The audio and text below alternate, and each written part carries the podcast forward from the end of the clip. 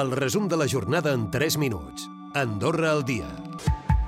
I l'actualitat informativa ha vingut marcada per aquest anunci del govern que entrarà dimarts a tràmit parlamentari el projecte de llei que gravarà la inversió estrangera en el sector immobiliari amb l'objectiu de desincentivar-la. Mentre no s'aprovi per part de Consell General l'aplicació d'aquest gravament, que es preveu que trigui uns 3 mesos, l'executiu ha establert una suspensió transitòria de la inversió estrangera en immobles per evitar l'efecte crida. La ministra de Presidència, Economia, Treball i Habitatge, Conxita Marsol, explicava que confia caldria que hi hagi quòrum entre les forces polítiques al Parlament.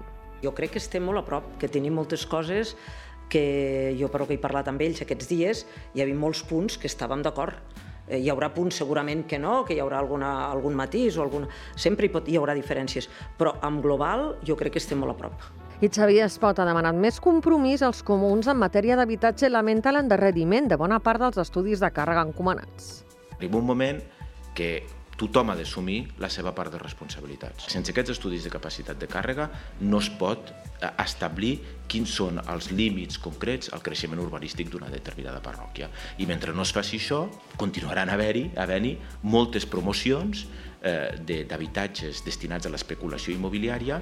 I l'avortament a Andorra està penalitzat també en els tres supòsits bàsics, malformació del fetus, perill de mort per la mare i violació. Per aquest motiu, la CAS tampoc cobreix aquestes interrupcions de l'embaràs que no són voluntàries i estan avalades per comitès mèdics hospitals d'altres països. Un reportatge de Ràdio Televisió d'Andorra amb l'Ariadna Guiu al capdavant ha reflexat doncs, el que han patit unes parelles en aquesta situació i també han parlat amb la Laia Ferrer, president presidenta d'Acció Feminista.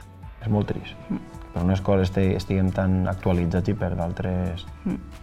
Que amb el segle que estem, en què el feudalisme que hi ha a Andorra, hi ha una vulneració dels drets, dels drets humans. I la temporada d'estiu encara a la recta final amb la sensació que ha estat espectacular i així ho confirmen les dades de pernoctacions a Andorra Turisme. Els mesos de juny i juliol n'hi ha hagut 1,7 milions, xifra que representa un 14% més que l'any anterior. Ho deia el seu director, Betim Butzaco si anem amb aquest ritme passarem a 10,5 milions de nights de rotacions a l'any. Això són dades realment espectaculars. I sensacions similars les que es manifestaven des de Naturland. El parc ha facturat un 5% més que l'estiu passat. Escoltem el seu director, Xavier Jona. a través d'oferir nous productes com l'entrada Aventura Plus, que ha estat un producte comercial nou aquest any, que incloïa algunes de les novetats com l'Embosca, per exemple, doncs la veritat és que, que, que ha anat molt bé, ha augmentat el consum per mig, amb el qual al final el global de la facturació eh, és millor que el de l'any passat. I l'economia circular és la temàtica central de la Bienal del Land Art d'enguany i si han passat pel nou vial de Sant Julià de Lòria hauran vist la feina que està fent el Cim. C'est un peu pour sensibiliser les gens, pour dire que faut qu'on pense un peu avant d'acheter des choses, et de consommer le plus possible, de consommer dans la vie, d'utiliser déjà. Et comme ça, on donne des deuxième vie pour les déchets et pour, les choses, même avant qu'elles deviennent déchets. Recupera el resum de la jornada cada dia a AndorraDifusió.d i a les plataformes de podcast.